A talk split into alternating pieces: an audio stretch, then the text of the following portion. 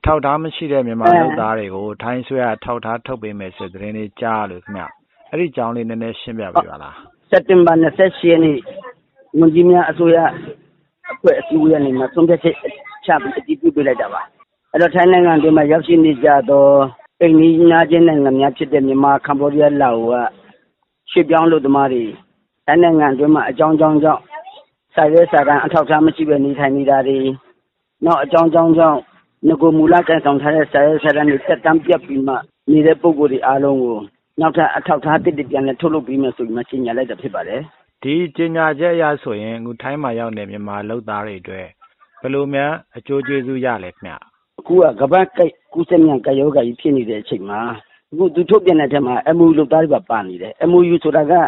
သူ့နှစ်နိုင်ငံအစိုးရတွေ သဘောတူစာချုပ်စာချုပ်လက်မှတ်ရေးထိုးပြီးမှ သတ်မှတ်ထားတာက မိခင်နိုင်ငံကနေမှတရားဝင်စာရွက်စာတမ်းတွေနဲ့စာချုပ်တွေနဲ့ရောက်လာခဲ့တဲ့လုပ်သားတွေကထိုင်းနိုင်ငံမှာနေထိုင်အလုပ်လုပ်ခွင့်၄နှစ်ရတာဖြစ်ပါတယ်။၄နှစ်ပြည့်တဲ့အခါမှာသူကသက်တမ်းကုန်ဆုံးပြီဖြစ်တဲ့ကြောင့်မိမိစက်ရုံကနေမှလုပ်သားတွေကိုမြန်မာပြည်တွင်းပြန်ပို့ရတယ်။ပြီးရင်မြန်မာပြည်မှာအသစ်တဖန်စာချုပ်ပြန်ချုပ်ဆိုပြီးမှနောက်တကြိမ်ပြန်ဝင်ရပါတယ်။သို့သော်အခုကူးစက်မြန်ကပ်ရောဂါကြီးဖြစ်ကတည်းကနှစ်နိုင်ငံနယ်ခြားဂိတ်တွေပိတ်လိုက်တဲ့အတွက်ကြောင့်ဒီသက်တမ်းလွန်နေတဲ့၄နှစ်ပြည့်ပြီးမှ သက်တမ်းလွန်နေတဲ့လုပ်သားတွေကလည်းအများကြီးထိုင်းနိုင်ငံမှာရှိနေပြီဖြစ်တဲ့ကြောင့်ဒါကြောင့်သူကအဲ့ဒီ၄နှစ်ပြည့်တဲ့လုပ်သားတွေနေရပ်ပြန်လို့မရတဲ့ကြောင့်ဒီနိုင်ငံထဲမှာပဲနောက်ထပ်2နှစ်သက်တမ်းတိုးပြီးမှလှုပ်ဆောင်ခွင့်ပေးမှာဖြစ်တယ်လို့အစောပြောတဲ့ညီသည့်အထောက်ထားစာရေးစာတမ်းမှမရှိပဲတရားမဝင်ဝင်ရောက်ပြီးနေထိုင်နေတဲ့ပုဂ္ဂိုလ်တွေအားလုံးလည်းသူ့နိုင်ငံရဲ့လုပ်သားရှားပါမှုပြဿနာကိုဖြေရှင်းတဲ့အနေနဲ့အဲ့လုပ်သားတွေကိုလည်းလုပ်ငန်းရှင်အများရှာပါ လုပ်ငန်းရှင်နဲ့စင်းစရာတွေပြုစုပါပြီးအဲ့လုပ်ငန်းရှင်တွေမှာဥဆောင်ပြီးမှတက်ဆိုင်ရာအစိုးရရှိမှာအလုပ်လုပ်ခွင့်လက်မှတ်တွေတောင်းခံမှာဖြစ်ပါတယ်အဲ့တော့ဒီလိုပြုလုပ်ပေးလိုက်ခြင်းအပြင်တော့ငါ့ကိုသွားပြီးမှအထောက်အကူဖြစ်ဖြစ်လဲဆိုတော့ဒီကယောဂါဆိုကြီးဖြစ်နေလို့တနိုင်ငံနဲ့တနိုင်ငံသွားလာပြီးမှစာရွက်စာတမ်းတွေလုပ်မရတဲ့လူတွေအတွက်အိမ်ပြန်စရာမလိုပဲဒီနိုင်ငံမှာတင်တက်တန်းတိုးခွင့်ရတဲ့အတွက်ကြောင့်လွယ်လင်းတကူဖြစ်သွားနိုင်တာတပိုင်းနောက်တစ်ပိုင်းကမြည်သည့်အထောက်ထားမှမရှိပဲကိုယ့်နေရက်ကိုလည်းပြန်ဖို့အခက်အခဲဖြစ်ပြီး ဒီနိုင်ငံမှာ အလုပ်လုပ်ရှင်လုံးလို့ ရှာနေတဲ့လူတွေအတွက် တရားဝင် စာရွက်စာတမ်း ရရှိသွားပြီ ဖြစ်တဲ့ကြောင့် သူတို့ ပုံမှန်ဝင်ငွေလေးတွေနဲ့ အလုပ်ကိုင်လေးတွေ ရသွားမှာ ဖြစ်တဲ့အတွက်ကြောင့် အကျိုးကျေးဇူးကတော့ အဲ့ဒီအပိုင်း ရှိပါတယ်။ဒီလုပ်ငန်းစဉ်က ဘယ်တော့လောက်မြန်စတင်မယ်လို့သူကထိုင်းဆိုရကြေညာထားတယ်ခင်ဗျ။အဲသူ့ရဲ့ ကြေညာချက်မှာတော့ အမိန့်ဆုံးဖြတ်ချက် ကြေညာတဲ့နေ့မှစပြီးရပောင်း30အတွင်းမှာ စတင်ပြီးမှ လျှောက်ထားလို့ ရပြီဖြစ်တဲ့အတွက်ကြောင့် အခုဆိုရင် စက်ရုံ အလုပ်ရုံကြီးတွေကလည်း ကြေညာချက်တွေကို သူတို့ရဲ့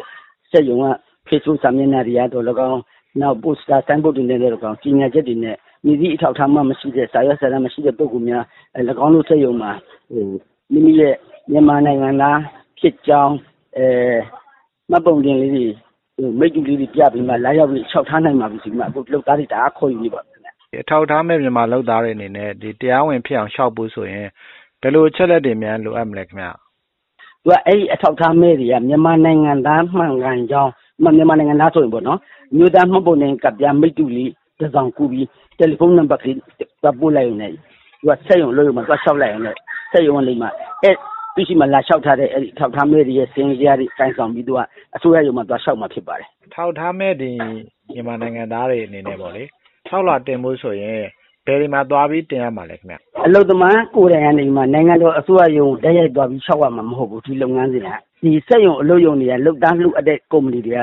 နေမှသူကလျှောက်သွားပြီးခေါ်တာအဲ့တော့မှအဲ့လုသားတွေကနေမှကျွန်တော်ကျမတို့ကဒီအလုပ်ရုံမှာအလုပ်လုပ်ချင်မှစီသွားလျှောက်ရမှာအဲ့ကြမှာစက်ရုံကနေမှသူတို့စီကနေမှအစိုးရပြောပြခဲ့တယ်လို့မြန်မာနိုင်ငံသားအထောက်အထားဖြစ်တဲ့မြို့သားမှတ်ပုံနဲ့ကပြမိတ္တူလေးယူပြီးတယ်လီဖုန်းနံပါတ်ကိုယူထားပေးမှာ အဲ့စင်းတွေကို စုဆောင်းပြီးမှ အလုပ်ရုံကနေမှ ကျွန်တော် မြန်မာနိုင်ငံသားကြားဘလောက် မဘလောက် ကျွန်တော်စက်ရုံမှာ အလုပ်လုပ်ဖို့လာလာလျှောက်ထားပါပြီ ဒါကြောင့် ဒီလုပ်သားတွေကိုဆရာဆရာပြုလုပ်လို့ပါတယ်ဆိုရင်သူက နိုင်ငံတော်အစိုးရကိုသူကတင်ရမှာ တင်တဲ့အခါမှာ နိုင်ငံတော်အစိုးရနေမှာအဲဟိုအလုတ်ရှင်ဘက် ကိုယ်တည်းကို ပြောလိုက်မှာက ကဲ ဒါဆို ဘယ်နေ့ပဲကြင် အဲ့လုတ်သားတွေ အားလုံးခေါ်ယူလာခဲ့ပါဆိုတဲ့အခါမှာ သွားပြီးလုပ်ရမှာ ဖြစ်ပါတယ် လုတ်သားကိုယ်တိုင် နိုင်ငံတော်အစိုးရတရားချစ်စေမှာ မဟုတ်ပါဘူး အခုကျွန်တော်တို့ပြီးကြတဲ့ဒီလာဇန်မိုင်းရပါတော့ထိုင်းဆိုရ MOU လောက်သားတွေခေါ်ယူမယ်ဆိုပြီးကြေညာထားတာရှိတော့ဒီမြန်မာနိုင်ငံကနေပေါ့နော် MOU နဲ့သွားမဲ့လောက်သားတွေခေါ်ယူမှုအခြေအနေရောဆရာဗာလိမြဲတိုးတက်မှုရှိနေပြီလေခင်ဗျ။ဘာလို့သွားပြီးအခက်ခဲတွေ့နိုင်လဲဆိုတော့မြန်မာကမ္ဘောဒီးယားလာအိုဆရှိတဲ့ထိုင်းရဲ့အိမ်ကြီးနိုင်ငံသုံးနိုင်ငံနေမှာတရားဝင် MOU စာချုပ်ချုပ်ပြီးမှလုပ်သားတွေခေါ်ယူမယ်ဆိုတာကသူထုတ်ပြန်ခဲ့တာမှန်တော့လေအဲ့ဒီမှာသူကအပိုင်း၃ပိုင်းပိုင်းထားတယ်အပိုင်း၁ကျတော့သူကစ ဆေးနှစ်ကြိမ်လွန်ခဲ့သောတစ်လကျော်ကဆေးနှစ်ကြိမ်ထိုးပြီးသားဖြစ်ရမယ်။နောက်အုပ်စုနှစ်ကဆေးနှစ်ကြိမ်တော့ထိုးပြီးပြီ။သို့တော့တစ်လမပြည့်သေးဘူး။အုပ်စုသုံးကျတော့ဆေးတစ်ကြိမ်ထိုးပြီးသားပြီ။သို့တည်းမဟုတ်တစ်ကြိမ်မှမထိုးရသေးဘူးဆိုတဲ့အုပ်စု။ဒီမှာအုပ်စုကိုသုံးစုခွဲလိုက်တယ်။အဲ့မှာတော့သူကအစိမ်းရဲ့အဝါရဲ့အနီရဲ့ဆိုပြီးမှသူကအစိမ်းဆိုတဲ့အုပ်စုကတော့လွန်ခဲ့သောတစ်လကျော်ကျော်ခန့်က ဆေးနှစ်ကြိမ်ကို အပြည့်အဝထိုးထားပြီးသား ပုံကူမျိုးဦးစားပေးခေါ်ယူမယ်လို့ သူပြောတယ်။လက်ရှိမြန်မာနိုင်ငံရဲ့ ကပ်ရောဂါအခြေအနေကိုနောက်ပြီး မြန်မာနိုင်ငံအတွင်းမှာရှိတဲ့တမ်းပြည်မီမတက်မှုတွေရော ဖြစ်တဲ့အတွက်ကြောင့် ထိုင်းအစိုးရကနေ မြန်မာနိုင်ငံဆေးနှစ်ကြိမ်ထိုးပြီးသား လုပ်သားတွေကို MOU စနစ်နဲ့ ခေါ်ယူမယ်ဆိုတဲ့ကိစ္စက တော်တော်ဟိုတော်တော်လေး အလံဝေးလိမ့်မယ်လို့သူကသုံးသပ်မိပါတယ်။ဘာကြောင့်ဆိုတော့ မြန်မာပြည်တွင်းမှာ အသက်16နှစ်အထက်ဟိုအလုပ်သားခေါ်ယူရဆိုတာ16နှစ်ထက်35နှစ် အောက်တွေကိုပဲ အဓိက ခေါ်တဲ့အတွက်ကြောင့် အဲ့ဒီအရွယ်တွေဆင်းနှစ်ကြိမ်ထုတ်ပြီးသားလူဟာ ဘယ်တော့ရှိနေပြီလဲ ဆိုတာက ဒါ မေးစရာ မေးခွန်း စိန်ခေါ်ကြဖြစ်နေပါတယ်။ဒါကြောင့် အဲ့ဒီစနစ်ကတိတ်အောင်မြင်နိုင်ကြအကြောင်းမရှိဘူးလို့ဟိုသူတို့လည်းတုံ့တက်မိလိမ့်မယ်။စေထုတ်ပြီးသား ပုဂ္ဂိုလ်ကလည်းအမတန် ရှားပါတဲ့အတွက်ကြောင့် နောက်ဆုံးအဆင့်ကျတော့ အခုလိုမျိုး ဒီနိုင်ငံထဲမှာဟိုဗီဇာတက်တန်း ကုန်နေတဲ့လူတွေ နောက်က MOU လေးနှစ် ပြည့်နေတဲ့ ပုဂ္ဂိုလ်တွေ နောက်ပြီးတော့ ဘာမှ အထောက်အထားမရှိတဲ့ ပုဂ္ဂိုလ်တွေကို လုတ်ပြီးလိုက်ရှင်အချင်း သူ့နိုင်ငံရဲ့ ရှားပါပြက်လက်နေတဲ့ လုတ်ကားရဲ့အနေထားကို အများဆုံးရရှိမှဖြစ်တယ်လို့ သူသုံးသပ်ပြီးမှ ဆုံးဖြတ်လိုက်တယ်လို့ အဓိကပြောချင်ပါတယ်။အနေနေတဲ့အတွက်ကြောင့် ဒီကိုဝေးရဲ့ ရိုက်ခတ်မှုတံကို မခံနိုင်လို့ သူတို့ စီးပွားရေးအနေထားရတချို့စိတ်ယုံလေးတွေကတော့ ပြန်မဖွင့်နိုင်သေးတာရှိတယ်။အဲ့တော့ အများစုကို သုံးသပ်မယ်ဆိုရင်တော့ ပုံမှန်လေပတ်လောက်ကင်နေပြီလို့ပဲ ပြောရမှာဖြစ်ပါတယ်